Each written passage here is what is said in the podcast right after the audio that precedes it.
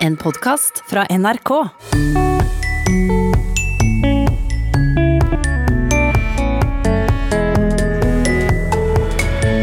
Å kommentere sport på direkten er en verbal utfordring. Du har et tomt bord foran deg i utgangspunktet, språklig sett, og så skal du fylle det. Da kan det skje mye språklig nybrottsarbeid. Saken er klar! Saken er biff! Saken er karbonade! Saken er ertesuppe! Og dagens språkglimt tar oss til Færøyene. Hvis man kommer til Saueøyene i vest med fly og har som hovedformål å lage radioprogrammer med utgangspunkt i språket, ja da må man jo bli i godt humør allerede inne i flyterminalen. Hør hvorfor i Språkteigens sommermiks.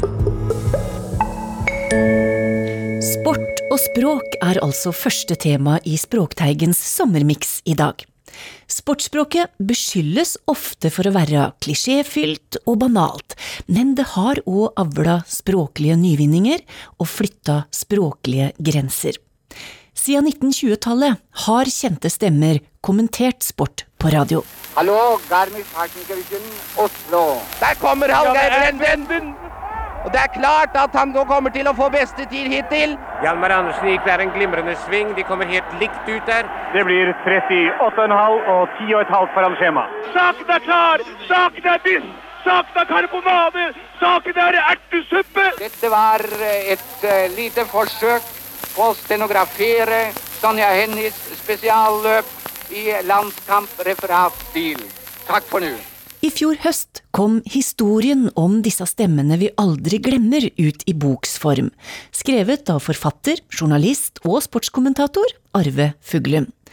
Han var gjest i Språkteigen og fortalte om hvordan disse stemmene tok språket i bruk på ulike måter, og han kjente seg godt igjen i den verbale utfordringen en lang direktesending kan by på. Ja, og den, den aller største utfordringen eh, tidlig i min kommentatorkarriere, da jeg var eh, veldig, veldig fersk, det var jo å finne ord. Og, og ikke holde munn. For ting skjedde fort. Og når det kom en ball inn foran mål fra et hjørnespark, så var det om å gjøre å holde den flyten i gang, og det greide jeg ikke bestandig. Så hva syns du da, når jeg har sett disse merkelappa banalt, grammatisk ukorrekt og fullt av klisjeer? Så stemmer vel det til en viss grad, men eh, det, er, eh, det er jo sånn at når du sitter der eller står og skal referere en sportsbegivenhet som kan vare i alt fra en halvtime til eh, fire-fem timer Det lengste jeg har vært borti, det var jeg kommenterte cricket i åtte timer sammenhengende. Eh, men altså, du er fryktelig lenge på lufta. Du har naturligvis en, en bank av kunnskap både i det du husker og kan, men også i alt det du har forberedt deg på. Og det ligger jo timer og dager med forberedelser før eh, et stort arrangement, f.eks. Og da er det jo helt umulig at du i løpet av de timene ikke kommer til å si en del ting som eh, kan karakteriseres som språklige blundere eller eh, dårlig språk, eller eh, at du ikke har riktig setningsoppbygging. Altså Dette er direkte, uten manus, og du har, du har et tomt bord foran deg i utgangspunktet, språklig sett, og så skal du fylle det. Og du mener at eh, sportsjournalister òg står for mange språklige nyvinninger? Det mm, mener jeg 100 Og um, hvis vi går tilbake i tid, sånn som jeg har gjort da, i uh, researchen på denne boka, så vil vi bl.a. kunne finne et mye sterkere innslag for 70-80 år siden av engelske ord og uttrykk enn det vi gjør i dag. Ja vel. Eh, det er kanskje overraskende for mange. Hvis du hører på fotball, et fotballreferat fra 30-tallet, så vil du høre at de prater om goal og points, og det er center half. og Veldig mange av de, spesielt innenfor fotballen, da, uttrykkene som ble etablert både i i, i, skriftlig form i avisene og på radio, for det var jo avisjournalister som kommenterte i, i starten. Så er det veldig mange av de ord og uttrykk som nå er forlatt og erstattet med norske ord. Hmm. Men vi skal starte nettopp på 2030-tallet og ta for oss noen av de kjente stemmen. Og det blir bare noen, for vi får ikke plass til alle, så vi har konsentrert oss om noen få og det språket eller de språklige virkemidla dem tok i bruk. Og hvem starter vi med? Da må vi trekke fram en uh, helt uh, markant personlighet som uh, het Peder Christian Andersen. Han uh, jobba i Aftenposten, var etter hvert sportsredaktør i Aftenposten. Og kommenterte sport på NRK på Si. Hans første oppdrag som Hallomann, som det da den gangen het, Ja. Eh, Det var i 1927 for det som het Kringkastingsselskapet AS. Da ble cupfinalen mellom eh, Ørn Horten og Dravn fra Drammen spilt i Sandefjord. Og der satt han et par-tre meter fra sidelinja ved et eh, bord og på en pinnestol. Og kommenterte da den kampen for de som hadde radio. Og noe opptak av det fins jo dessverre ikke. Men eh, han skapte en helt særegen atmosfære for lytterne. Og um, det var han som kommenterte bronsefinalen, uh, eller bronselaget, uh, under Berlin-OL i 1936. Uh, Og han kommenterte Sonja Hennies gulløp og mm, kunstløp i Garmisch i 1936. Så ordrikt og så bildeskapende og så detaljert at du har nesten følelsen av at du sitter og ser på dette kunstløpet. I eh, lys av de siste solstråler skal Sonja henne gå sitt store, avgjørende løp for mesterskapet. Hun er rolig. Nå hilser hun begge langtidstribunene og går til sitt hjørne for å starte. Og så kommer den bekjente åpning fra så mange Frognerdager. Lett på tå, seilende fremover. Nydelig ballettrinn frem. Og så lufthoppet. Vakkert. Elegant. Grasiøst. Dette er kunst. Han skapte en stemning når det gjaldt sport, som var helt annerledes enn nyhetsspråket generelt. Det, det grensa nesten mer mot litteraturen enn eh, enn det som var vanlig da, den gangen. Ja, hvordan var det offentlige språket både i avis, eh, kringkasting på den tida, kontra det han gjorde da? Det var mye mer arkaisk og, um, og stivt. Hvis du tenker radio igjen, da, så er det um, foredrag, og det var mye type folkeopplysning og ganske tørre og kjedelige saker.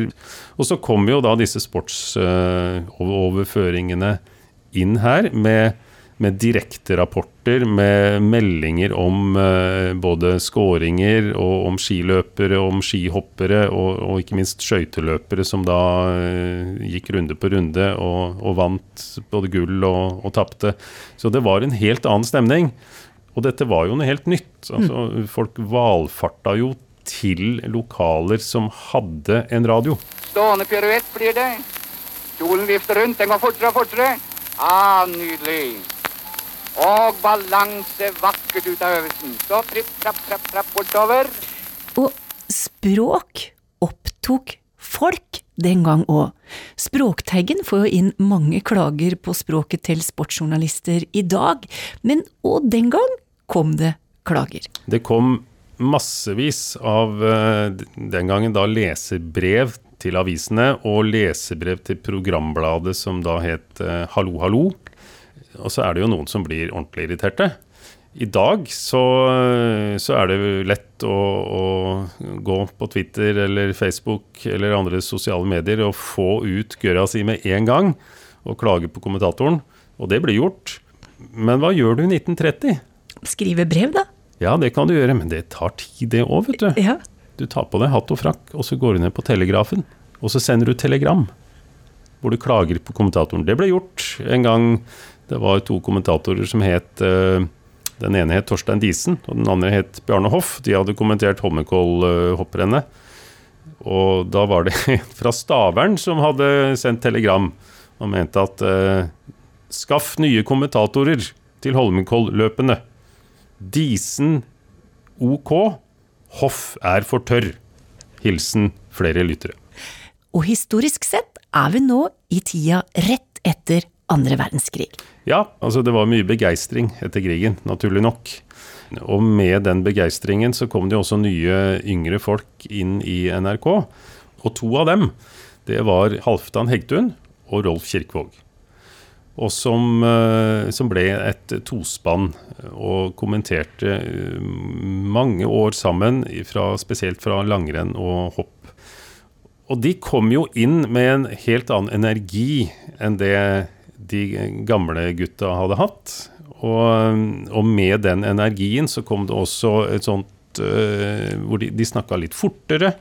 Uh, det var flere ord per uh, ti sekunder. Og de, da måtte du også ha et større ordforråd. Og da, hvis jeg kan få dra en ørliten anekdote og en digresjon der Ja. eh, Den store skøytekommentatoren i mange mange år, det var en som het Finn Amundsen. Ble kalt for NIF, eller Niffen.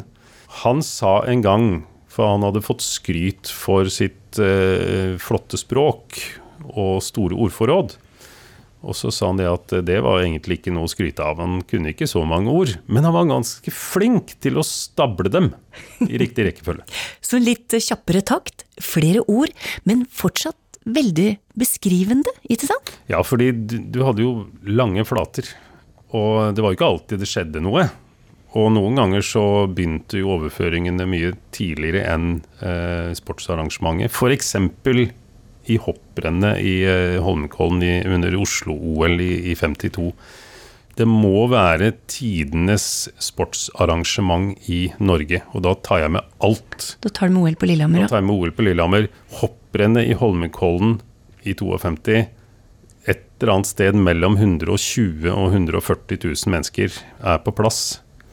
Og det er sju år etter at nazistene fortsatt trampa i gatene rundt omkring i Norge. Så får hele Norge får denne opplevelsen, og det blir skildra i radio av Heggtun og Kirkevåg, hvor de skal prøve å beskrive hvor mange mennesker som faktisk er på plass i Holmenkollen. Det syns jeg er helt magisk å. Det er så fullt her at uh, det går nesten ikke an å beskrive det, faktisk. Hele sletta er full. Det er en liten åpen flekk litt grann bak høyttalertårnet, men ellers er hele sletta full. Så langt vi kan se. Og ikke bare sletta, men faktisk på den andre siden av hovedveien oppover til Frognerseteren står det jo Ja, det står jo minst uh, 10 000 mennesker på den andre siden av veien der. Og det er, det er jo faktisk uh, nesten 300-400 meter herfra, tror du ikke det? Jo, det er sikkert. Og, Det er, det er den som såkalte gratishaugen før, ikke sant? ja, men jeg tror ikke det er gratis i dag. Å nei, langt ifra. Men oppover mot Holmenkollen kapell til venstre for oss, der står det også tett i tett tusener og atter tusener av mennesker. Og der kan jeg sannelig ikke huske at folk har måttet uh, trekke hen under tidligere Holmenkollrenn. Det er så langt unna at ja, det er da faktisk mennesker hele denne tette muren oppe i granskogen. Ja da, ja da. Det er tettere enn tettest. Det er, aldri, det er helt, helt fantastisk skue vi har her oppe fra denne oversiktsplassen vår. Vi forlater Kirkevåg og Heggtun der og rykker litt fram i historien. Til en mann mange husker, nemlig Bjørge Lillelien. Han dro eh, og studerte i Chicago. eh, og hadde vel ikke så mye penger eh, som han hadde håpa på at han skulle ha. Derfor så valgte han et kurs som var litt kortere enn de andre journalistkursene, og det het radio reporting. Og det skal vi takke økonomien til Bjørge Lillelien for at han gjorde. Eh, For maken til eh, legende innafor denne bransjen, det vil vi jo antageligvis aldri få igjen. Eh, Men han kom jo tilbake fra USA med Hadde lært veldig mye og studert hvordan de amerikanske radiokommentatorene gjorde det. Så dette med språkbruken hans var én ting, men det andre var jo måten å skildre på. Hans måte å bruke språket på, det var jo ofte å hamre inn et budskap. Ehm, og det skulle være underholdende. Og han gjentok gjerne ordet en to-tre ganger for å forsterke det budskapet han hadde, da. Og det jeg kan si om som hans språkbruk, det er jo at han, han var jo en belest mann. Han, var, eh, han kunne mye om sport, selvfølgelig, men han kunne veldig mye om mye annet også. Og han kunne mye om politikk, han kunne mye om historie, han kunne mye om kunst, eller spesielt musikk eh, innenfor kulturen. Men, men, eh, men han var jo da en, en, en som elsket å opptre på radio. Han brakte jo alt dette her et skritt videre, selv om han fikk utrolig mye motbør i starten. Men når han først fikk etablert seg, og stilen hans eh, ble, ble fastsatt inni hans eget hode, eh, så gikk det jo eh, spesielt inn på, på 70-tallet, som, som, var fenomenalt Bjørge Lillelien tiår. Og det var jo da vi fikk også disse tiradene som han er blitt så kjent for, som egentlig var mye mange færre enn det folk innbiller seg. Eh, den siste var jo da Maggie Thatcher og, og 'Can You Hear Me' da Norge slo England. Det var i 1981. Vi har slått England! England, kjempers fødeland! Lord Nelson, lord Beaverbrook, sir Winston Churchill, sir Anthony Eden, Clement Attlee, Henry Cooper, lady Diana.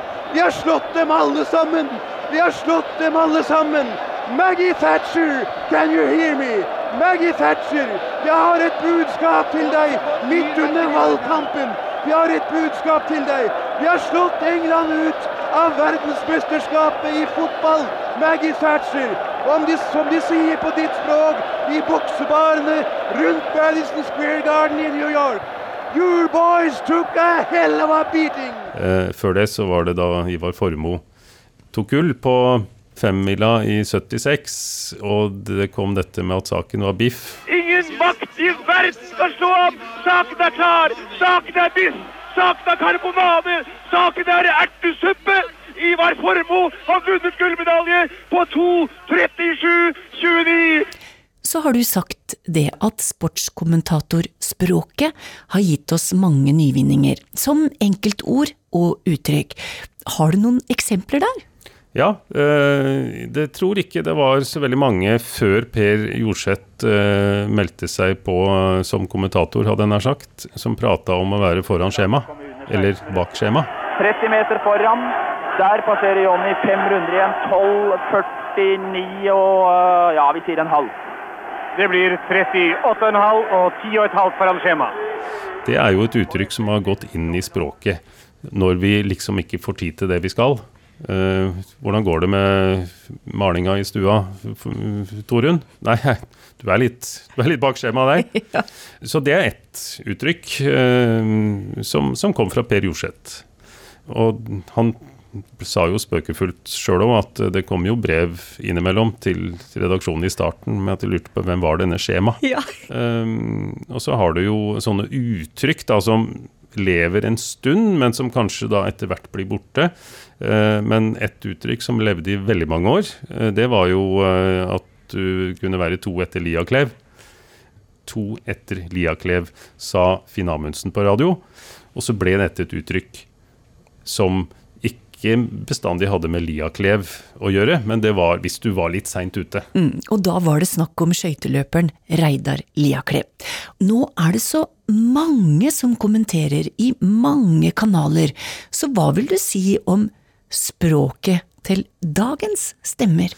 Det er, jo, det er, jo, en evigvarende diskusjon, for noen mener at det ene er godt språk, eh, noen mener at vi ikke skal si sånn og sånn, fordi det har vi aldri sagt før. Og så vil jo mange språkforskere si at eh, det er sånn det skal være. Vi skal kunne si Kjetil nå, osv. Eh, fordi det er sånn språket går. Mm. Og så er det noen som er mer ungdommelige enn andre, fordi de rett og slett er yngre enn andre. Og det må jo speile måten å kommentere på. Det er ikke meninga at en som er 27 år, skal prate på samme måte som en som er 55. Så sportskommenteringen som fenomen i dag speiler mye i mye større grad den befolkningen som både hører og ser på, enn den kanskje gjorde da for 40 år siden. Det har vært så mange gode stemmer som har kommentert sport, og vi har kun vært innom noen få. Men er det mulig for deg å plukke én favoritt, sånn språklig sett? Jeg må si at uh, den som jeg syns imponerer meg aller mest språklig, med, både med variasjon i hva han sa, eh, og i stemmebruk, altså måten han sa ting på. Eh, empatien i måten å kommentere på, er Knut Bjørnsen. Forfatter, journalist og sportskommentator Arve Fuglum ga oss et innblikk i sportskommenteringens historie.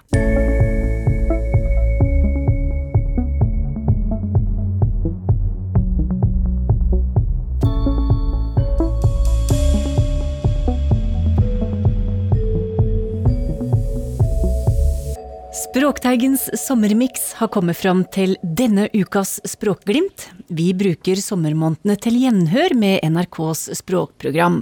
Og Knut Knutsen Eigland, i dag så skal vi ut på tur. Ja, vi skal ikke så veldig langt, men for en sørlending som meg, så er det rart å få vite at dit vi skal, der har de også den bløde kyststripe med bløde konsonanter. Jeg snakker om Færøyene. Oi, så vi skal dit vi da, på språkbefaring? Ja, for i 1992 var eh, språkørets Einar Bjorvatn og eh, Sylfest Lomheim der. Og de hadde ikke mer enn landa på flyplassen før de lot seg begeistre av det færøyiske språk. Hvis man kommer til Saueøyene i vest med fly og har som hovedformål å lage radioprogrammer med utgangspunkt i språket i dette minilandet, hvor vår felles norrøne arv lever i beste velgående, ja, da må man jo bli i godt humør allerede inne i flyterminalen. For hør bare hva det står på skilt og oppslag sammen med de nødvendige orienteringene på engelsk. Arrival blir til koma. Departure blir til fråferd. Check-in, innskriving, customs, tollstova, tickets, færasetter. No smoking, røyking banna, og den jeg satte aller størst pris på sjøl, litter eller garbage, ble til rusk, rett og slett. Rusk. Er det ikke flott? Enkelt og greit, og mye å lære for land det måtte være naturlig å sammenligne seg med, som det heter. Og når du kommer inn til sjølve Torshavn og går til minibanken, så står det Skjelvtøkan, altså rett og slett sjølvtak. I utkanten av havna i Torshavn er det ein mekanisk verkstad for skip, og på skiltet står Skipssmia. I det langstrekte Noreg er det store dialektskilnader, og me veit jo at nordmenn er opptekne av dialektrikdommen. På Island er det heilt annleis. Der er det lite av dialektskilnader.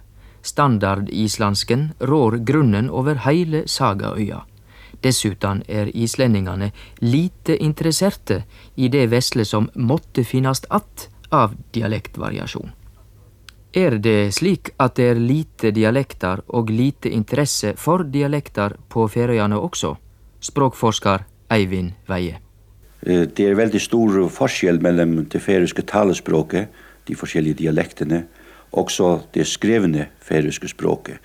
Og det kommer nok av at uh, det feriske skriftspråket blev til uh, på 1800-tallet i den romantiske perioden, omtrent samtidig med at nordmennene fikk deres skriftspråk.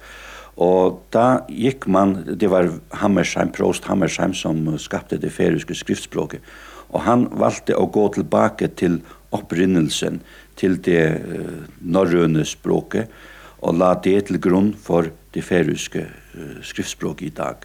Og det gjorde at det ble veldig stor forskjell mellom skriftspråket og det talte språket. Men på den måten så slapp han for å ta stilling til de enkelte dialektene. Sånn at man i stedet for å velge en enkelt dialekt og gjøre den til skriftspråk, så gikk han tilbake bakom dialektene. Sånn at skriftspråket ble en slags fellesnevner for alle dialektene. Og derved kommer ikke dialektforskjellen riktig fram i skriftspråket. Men det gjør det altså i talespråket. Og som sagt så er de veldig store. Jeg kan nevne som eksempel at i skriftspråket det skriver vi langur, altså lang, og strangur, men uh, sånn uttales det bare i den sørlige delen av landet, på Sorøy og på Sandøy. Men når vi kommer nord om Skåpunarfjører, så heter det lengur og strengur. Og vi kunne ta et annet eksempel, et ord som um, som nei, det heter nei i uh, den sørlige delen av landet, men når vi kommer til de nordlige delen av landet, så heter det nøy. På Sørlandet i Norge har vi den bløde kyststripe med bløde konsonanter. Men det har dere faktisk på Færøyene også. Ja, det har vi. I den sørlige, særlig i den sørlige halvdelen av landet, der uttaler man uh, P som B og T som D og K som G og sånn noe. For eksempel uh, båt, den heter Batur i den sørlige delen av landet, mens lengre nordpå heter det Batur. betydelig T. Den kortast mulige karakteristikken av færøysk språk er å si at Færøyane ligger språkleg slik de ligger geografisk, midt mellom Vest-Noreg og Island, men noko nærare Island. Denne posisjonen er posisjonen til alt færøysk arbeid med språket. De har der same debatt om å godta eller å ikke godta ord i skrift som lever i talemåla, som nynorsken i Noreg. Folk sier betala og begynna både i Vest-Noreg og på Færøyane. Men er det god færøysk? Er det god nynorsk? og på den andre sida er færøyingane opptekne av, som islendingane, å kunne nytta færøyske ord for alt framant. Den samme tendensen til purisme har vi også på færøyene og har haft, men vi har kanskje ikke vært like så konsekvente som islendingene, har ikke gått så vidt som islendingene, Og det har alltid vært et veldig omdiskutert spørsmål her i landet. Hvor vidt man skal gå, om man, om man skal gå like langt som islendingene, eller man bør la være med det. Hva syns du? Jeg syns at vi kommer nok ikke utenom å, å lage en del ord for fremmede fenomen. Men jeg tenker nok at man skal være litt forsiktig med å gå alt for langt i den hensynet. Jeg mener det viktigste det er at man kan få ordene, de nye ord som kommer inn i språket, eh, hva skal vi si, tillaget det færiske systemet så at vi kan bøye dem, så at vi kan sette færøske endelser på dem, så syns jeg ikke at det går så mye utover språket. Ser du optimistisk på utviklingen for det færøyske språket i disse internasjonale tider hvor uh, også her på Færøyene man blir bombardert med utenlandske satellittkanaler i fjernsyn, utenlandske radiostasjoner og utenlandsk påvirkning gjennom turisme f.eks.? Ja, jeg tror nok at jeg er ser rett optimistisk på det færiske språkets framtid. Men jeg tror altså at, at man hele tiden bør arbeide for å styrke dets, dets stilling, ikke minst i skolen, ved å gi det god plass i undervisningen i skolen og i de offentlige medier også, at styrke dets stilling der med færiske utsendelser og så videre. Mener du at dansken fremdeles er den største faren, for å si det slik i hermetegn? Nei, jeg tror ikke at dansk er den største faren. Så alle feringer forstår dansk, og de hører og ser mye dansk i radio og tv, og de leser mye dansk, men uh, jeg tror at det er noe som uh, de fleste ønsker å uh, altså det, er en fordel som de fleste feringer ønsker å ha, fordi man har bruk for et annet språk enn færøysk. Men har danskene det god nok respekt for det færøyske, også språket? Ja, det tror jeg man kan si i dag. Jeg tror ikke at, at dansk er, er noen trussel over færøysk i dag. Vi hørte utdrag fra programmet Språkøre i 1992, og neste uke så skal vi hjem igjen, som den sier i nyhetene, Knut. Ja, da blir det et tilsynelatende evigvarende tema vi skal høre om.